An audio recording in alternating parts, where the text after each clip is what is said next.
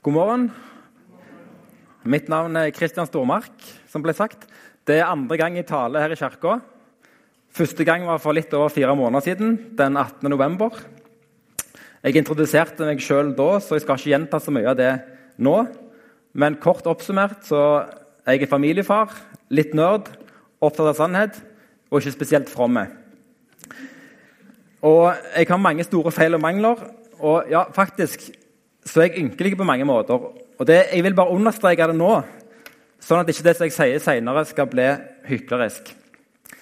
Men jeg står her i dag pga. at jeg tror at Gud vil bruke meg ved sin nåde, på tross av min skrøpelighet. Jeg kan ellers legge til at eh, jeg er ikke utdannet innen teologi. Så i dag, som alltid ellers, så er det lurt å prøve det ordet som blir forkynna, og prøve det mot Skriften. For det er jo Guds ord i Bibelen som skal være rettesnor for livene våre, heldigvis. Ok, La oss be om at Gud må velsigne denne stunden, sånn at det kan bli til velsignelse og liv for oss. Kjære Herre Jesus Kristus, vi ber om at du samler oss nå i ditt navn. Må du være midt iblant oss i denne stunden. Må du tale ditt ord til oss, må du røre ved oss. Må du lede meg i det jeg skal si, sånn at jeg taler etter ditt ord, og sånn at det blir til nytte og liv. Og må du åpne våre hjerter for deg, Amen. Ok, Utgangspunktet for denne talen som ble sagt, er teksten hvor Jesus på forhånd forteller Peter at han skal fornekte ham tre ganger. Den står i Lukasevangeliet i kapittel 22. og Jeg vil innledningsvis gi en veldig kort gjennomgang av selve bibelteksten før vi skal se litt på hva vi kan lære av den i dag. Handlingen utspiller seg på skjærtorsdag, på den kvelden hvor Jesus senere blir arrestert og avhørt og Dagen etterpå ble han, ble han utlevert til romerne og dømt til døden. Vi leser vers 31-34, som begynner med Jesu ord til Simon Peter. Jesus sa, 'Simon, Simon, Satan har krevd å forsikte dere som hvete.' 'Men jeg ba for deg at din tro ikke måtte svikte.' 'Og når du en gang vender om, da styrk dine brødre.' Peter sa, 'Herre, med deg er jeg beredt til å gå både i fengsel og i død.' Men Jesus svarte, 'Jeg sier deg, Peter, før hanen galer i natt, skal du tre ganger ha nektet at du kjenner meg.' Så Jesus forteller altså Peter at han skal prøves denne vonde natten. Og han sier òg, først indirekte, at Peter kommer til å svikte han. Men Peter på sin side forsikrer Jesus om at han er villig til å gå både i fengsel og død for han. Og Da sier Pet nei, Jesus rett ut til Peter at han kommer til å fornekte ham hele tre ganger før hanen gale, samme natt. Det må jo ha vært harde ord for Peter å høre. Men ellers kan vi merke oss at Jesus også sier ytterligere to ting til Peter. Både at han har bedt for Peter i forkant, som vi jo må kunne forstå som et uttrykk for kjærlighet og omtanke, og også at han ser tingene i et større perspektiv når han sier til Peter at når du en gang vender om, da styrk dine brødre. Så vet vi fra historien videre hvordan det hele går. Jesus får rett, og Peter fornekter han tre ganger den natten. Det skjer på gårdsplassen til øverste presten Kaifas utenfor huset hvor Jesus blir avhørt. Etter den tredje gangen så galer hanen, og Peter minnes Jesu ord og sikkert òg sin egen forsikring om at han var villig til å gå med han i fengsel og i død. Så når Peter hører hanen, så gråter han bittert over sitt svik. Når vi vet hvordan det går, så er det lett å trekke litt på skuldrene av Peters forsikring til Jesus om at han skal stå med han gjennom alt. Og tenke Yeah right, Peter. Lykke til med det prosjektet. Men da skal vi huske på at det faktisk er ganske mange av Jesus' etterfølgere som gjør akkurat det i dag, som går både i fengsel og død for Jesus skyld. Så det var på ingen måte umulig om det hadde vært Guds kall til Peter. Dessuten var Peter egentlig en modig mann. For var det kun Peter og Johannes som fulgte etter og holdt seg nær Jesus den natten, om enn i skjul, mens de andre disiplene var flykta bort. Og så vet vi fra lenger ute i Bibelen at Peter faktisk fikk gå i døden for Jesus på et senere tidspunkt. Men ikke den natten. og ikke før Jesus hadde gått i døden for Peter først, og ikke før han hadde mottatt det som Jesus hadde lovt han, Den hellige ånd, og ikke før han hadde fullført den tjenesten som Jesus kalte han til, at han skulle bli en tilsynsmann og forsørger for Jesu menighet, som var de brødrene som Jesus sa at han skulle styrke etter at han, etter han igjen hadde vendt om. Og bare som en liten parentes før vi starter Hvordan kunne egentlig Jesus vite at Peter ville fornekte ham? Jeg har noen ganger hørt at det er sagt at det er umulig å skuffe Gud, for han vet om alt før det skjer. Da pleier jeg å tenke ja, nja, ok, kanskje. Jeg kan være enig i ansatsen, men ikke helt i resten av logikken. På noen måter kan det vel kanskje være rett å si at Gud ikke blir skuffa over oss, for han kjenner oss jo bedre enn vi kjenner oss sjøl. Men jeg tenker at Gud ikke nødvendigvis vet om alt som kommer til å skje. For vi har fått en fri vilje, selv om graden av frihet sikkert kan diskuteres.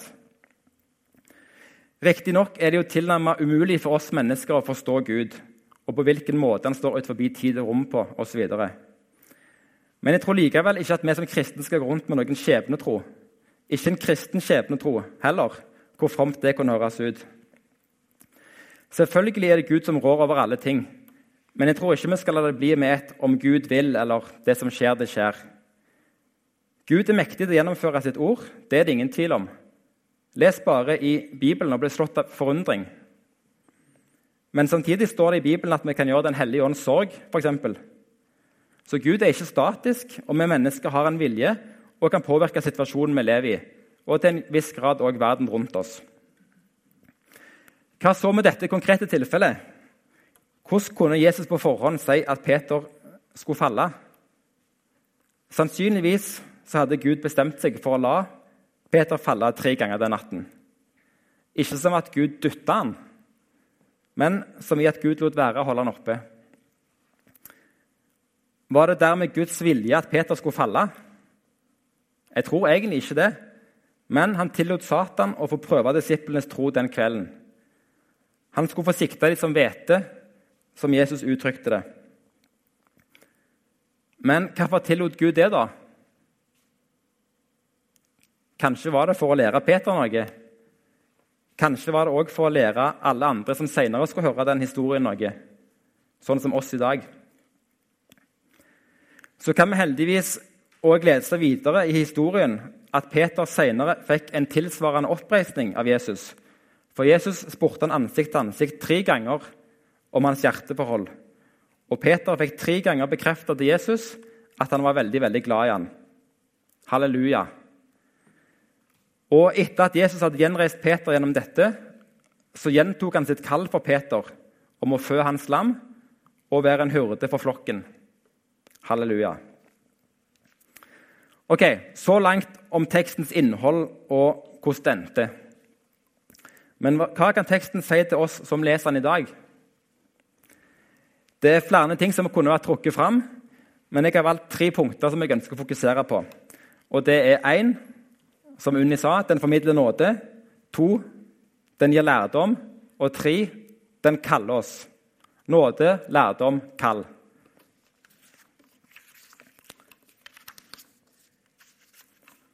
Ok, Punkt 1. Teksten formidler nåde.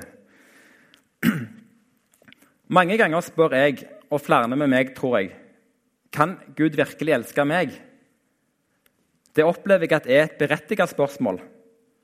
Kan Gud virkelig ville ha meg? Vil han virkelig ha samfunn med meg? Jeg som så mange ganger synder mot det som er rett, og mot Herren sjøl. Jeg som kan være så feig. Jeg som kan svikte han i mange situasjoner som noen ganger ikke klarer å våge en eneste liten time sammen med han. Når det gjelder Peter, så kan vi jo si at jo, han svikta, men han var tross alt trua på livet. Hva med meg, da? Når jeg svikter uten, uten en ytre grunn? Hva med meg når jeg lar meg lokke og lede av synd? Kan Gud virkelig elske meg likevel? Kan han virkelig elske meg, som på så mange måter er ynkelige og lite elskbare? Og svaret for denne teksten, sammen med resten av Guds ord, mener jeg at utrolig nok er ja. Gud elsker oss til tross for vår svakhet.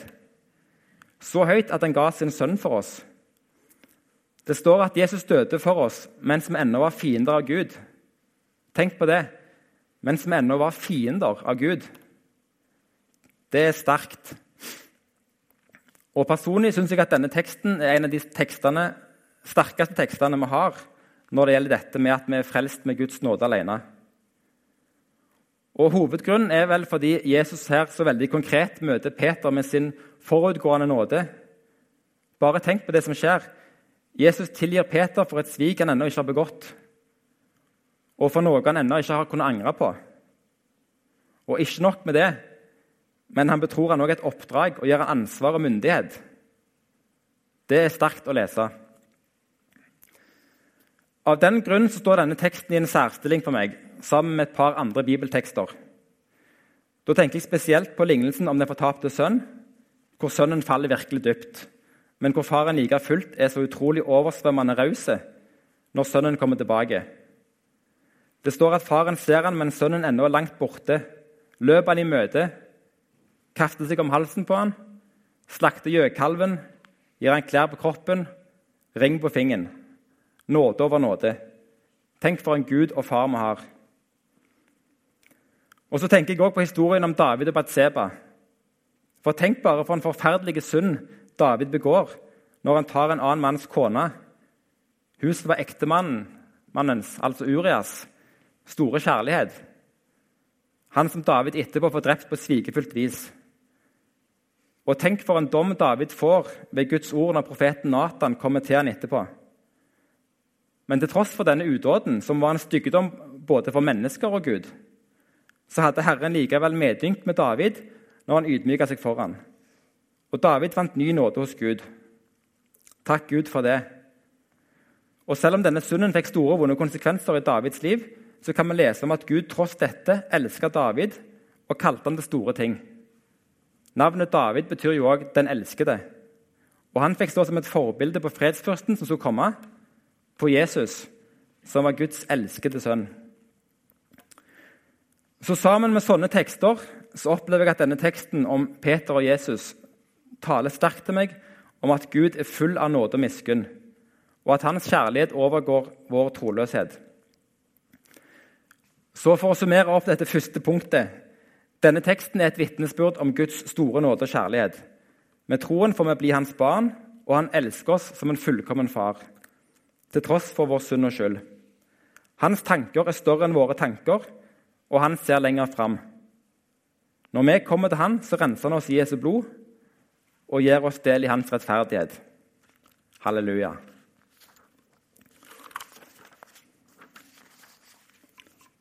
Ok, Punkt nummer to.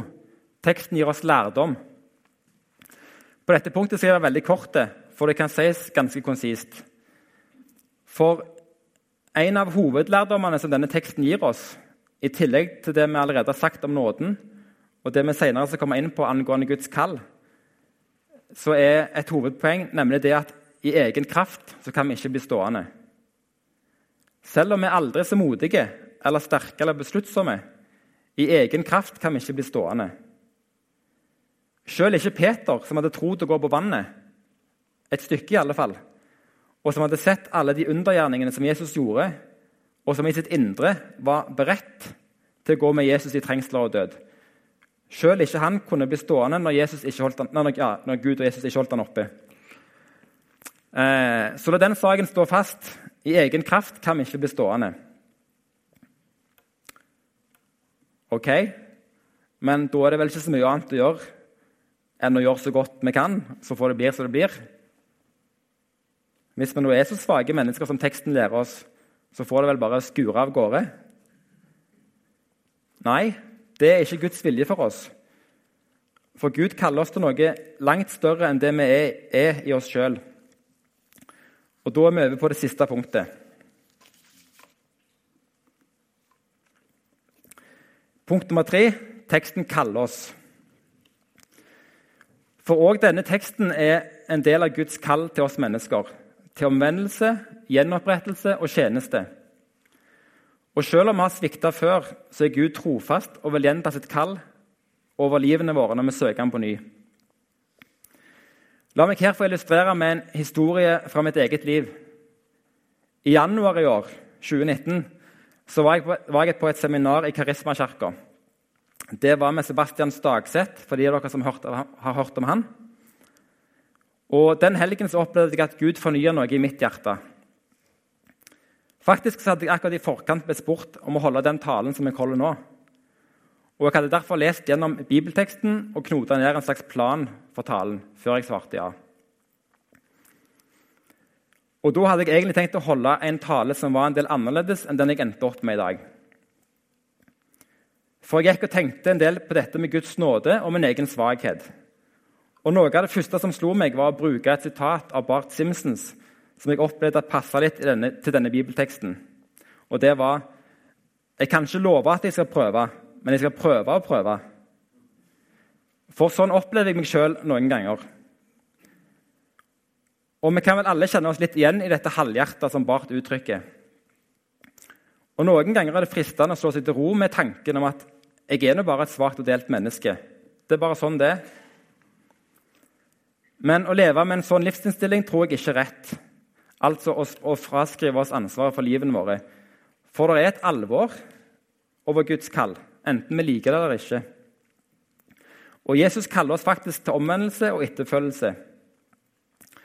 Og Det minte Gud meg på, eh, om på ny i Karismakirka i januar. Jeg husker ennå hvordan Sebastian Stagseth gjentok dette ordet som jeg hadde gått og tenkt på en del i forkant. Han gjentok det mange ganger, flere enn det jeg skal gjøre nå, tror jeg. men han sa omvendelse, omvendelse, omvendelse, omvendelse, omvendelse. Det er faktisk Herrens kall til oss å vende om til Han.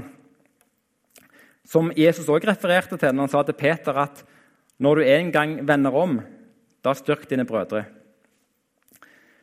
Så faktisk er det ikke særlig lite det Jesus ber oss om. Det er mye. Han ber om alt, om hele vårt hjerte. Et annet ord som Sebastian nevnte i en bisetning, men jeg beit meg merke i det likevel, det var at 'fire always fall on sacrifice'. Altså at ilden vil falle når offeret bringes fram. Hvilket et offer er det så snakk om, som ilden vil falle på? Jo, oss sjøl. Vi skal bringe oss sjøl, vårt eget hjerte og liv som et renselsesoffer, da, eller? Nei, absolutt ikke. For renselsesofferet det er båret fram en gang for alle. Det var Jesus, Guds lam. Det er gjort fullkomment ferdig, og offeret er fullt akseptert av Gud. Det ble gjort én gang for oss alle. Takk, kjære Herre, for det. Nei, vi skal bringe oss sjøl som et takkeoffer til ham, som et frivillig offer. Ikke av tvang. Og når offeret er på alteret, så faller ilden. Det tror jeg er et godt ord. Men det står ikke i Bibelen, så jeg vet, så dere får kjenne etter på det sjøl. Og som vi vet, så har ilden falt. Den hellige ånd er sendt. Det fikk Peter erfare og forklare på pinsedag. Og det kan òg vi få erfare når vi igjen vender om til Gud. Så vil han røre oss vekt røre ved oss på mektig vis. Som nevnt så opplevde jeg at Gud rørte med mitt hjerte angående disse tingene når jeg var på det seminaret i Karisma, og at han fornya noe, noe, av det som jeg hadde fått av han for over 15 år siden, når jeg opplevde at jeg ble født på ny, der i Trondheim, hvor jeg studerte. Og På ny la han ned i meg en tro og en lengsel Sånn at jeg kan få si at jeg ønsker å søke Herren og gi Han hele mitt hjerte. Ikke fordi jeg er spesielt from, for det er jeg ikke. Og ikke for å prøve å forbedre meg eller for å leve på en forventning, men fordi jeg bærer på en lengsel og en tro til Gud. Det å få gi hele sitt hjerte til Herren er en god følelse. Ja, faktisk så gir det en sånn glede og fred at det overgår alt annet. Og ingen av oss kan vende våre hjerter helt om til Han på egen hånd.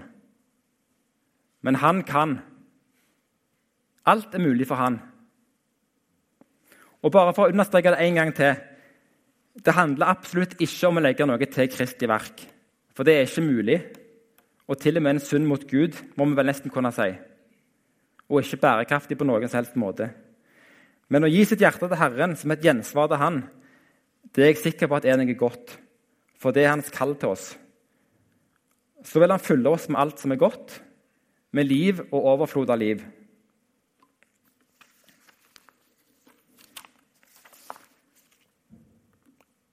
Nå skal jeg øyeblikk avslutte. Men siden Herren er midt iblant oss nå, som han har lovt å være, der to eller tre er samla i hans navn, så tenkte jeg at jeg ville bruke noen minutter nå til slutt til å gi dere som er her i dag, en nådens mulighet. Mens vi alle er samla her i hans navn. Jeg tror at det er både rett og godt å gi et gjensvar til ham når vi samles. Derfor vil jeg gi, dere en mulighet til det nå straks. Jeg vil da invitere de av dere som måtte ønske det, til å løfte en hånd til tegn til Herren mens jeg ber en kort bønn. Ikke gjør det helt ennå, men de som vil, kan gjøre det snart. Jeg vil bare fortelle om det nå først, sånn at det ikke skal oppleves som en helt umotivert handling eller som en gruppepress eller noe sånt. Gud er levende og virkekraftige i våre hjerter. Men jeg tror ikke på at vi mennesker skal manipulere hverandre sjøl ikke for en god sak. Derfor skal enhver en kjenne etter sitt indre og gjøre sitt eget valg. Og Her er det full frihet til å la være. bare understreke, understreke det. Men om du hører hans røst og kall nå i formiddag Gjennom invitasjonen som jeg snart skal gi, eller en lengsel i ditt indre, så lukk ikke hjertet ditt til, men åpne det for Han. For dette er dagen som Herren har gitt. Vi får alle komme som vi er, som vi har lest. Jesus ba for Peter allerede før Peter fornekta han. Og Kristus døde for oss mens vi ennå var syndere.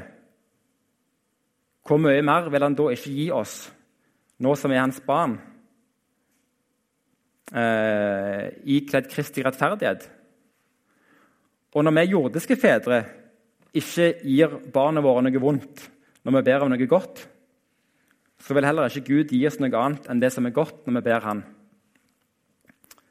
Så lukk øynene og søk Herren der dere sitter. La oss grunne på at Han er midt iblant oss nå. Og Om du ønsker, så kan du se Han for deg med ditt indre øye, rett foran deg eller ved din side. Han er nær deg nå. Og nå kommer det kallet, eller, eller først og fremst den muligheten som jeg har nevnt, til å gi en respons til han. Tenk ikke på de andre. Dette er mellom deg og han. Og igjen, her er det full frihet til å la være, og ikke noe press fra noen. Det, dette er bare et tilbud til de som måtte kjenne en lengsel til det i sitt indre. Uten at det er noen som helst forkleinelse for de som ikke ønsker. Men til deg som kjenner en lengsel i ditt indre til å gi Herren et tegn på at du elsker han, eller at du vil han skal røre med deg, eller at du vil han skal blåse sin levende ånd på deg, eller hva det enn måtte være du ønsker å gi han et tegn på. Du som kjenner dette i ditt indre, løft hånden din opp der du sitter. Løft opp din hånd som et tegn til Herren, som en bekjennelse med, kropp, med din kropp på at du vil høre ham til og ønsker at han skal fylle deg med sin ånd, så vil jeg be en kort bønn. Kjære Herre, du ser alle de som løfter sine hender til deg nå. Herre, må du røre med dem nå. Må du legge dine naglemerka hender på hver enkelt, du som har det levende livets ord. Hellige Ånd, må du falle over oss. Må du fylle hvert åpne hjerte. Forny våre hjerter, Herre du som har det levende vannet. La det levende vannet velle fram i vårt indre, sånn som Skriften sier skal skje med de som tror på deg. Forny oss, du, Herre. Sett oss i brann for deg, Herre. Fyll oss med takknemlighet og tro. Du som døde for oss. Du som elsker oss med en evig kjærlighet. Det er over 2000 år siden blodet ditt rant nedover korsets tre, men det er like mektig i dag. I det har vi blitt frelst fra vår synd og skyld. Og i ditt liv får vi legedom og del i det evige livet. Rør med oss, Herre. Rør med oss, Herre. Takk, Herre. Takk for at du elsker oss. Takk for at du elsker hver og en av oss, enten vi rakk opp vår hånd eller ikke. Du elsker oss og kjenner oss. Du har kalt oss med navn. Takk for at du er med oss hver en dag. Amen. Og Til slutt vil jeg også takke deg for Peter og for David. Det var to store menn i ditt rike, to som du elsker høyt. To forbilder for oss. For David, som har skrevet så mye godt, og som var en av dine stamfedre, Jesus. Og for Peter, som ga sitt liv i tjeneste for deg. All ære til deg, Jesus, kongenes konge og herrenes herre, vår mester og venn. Amen.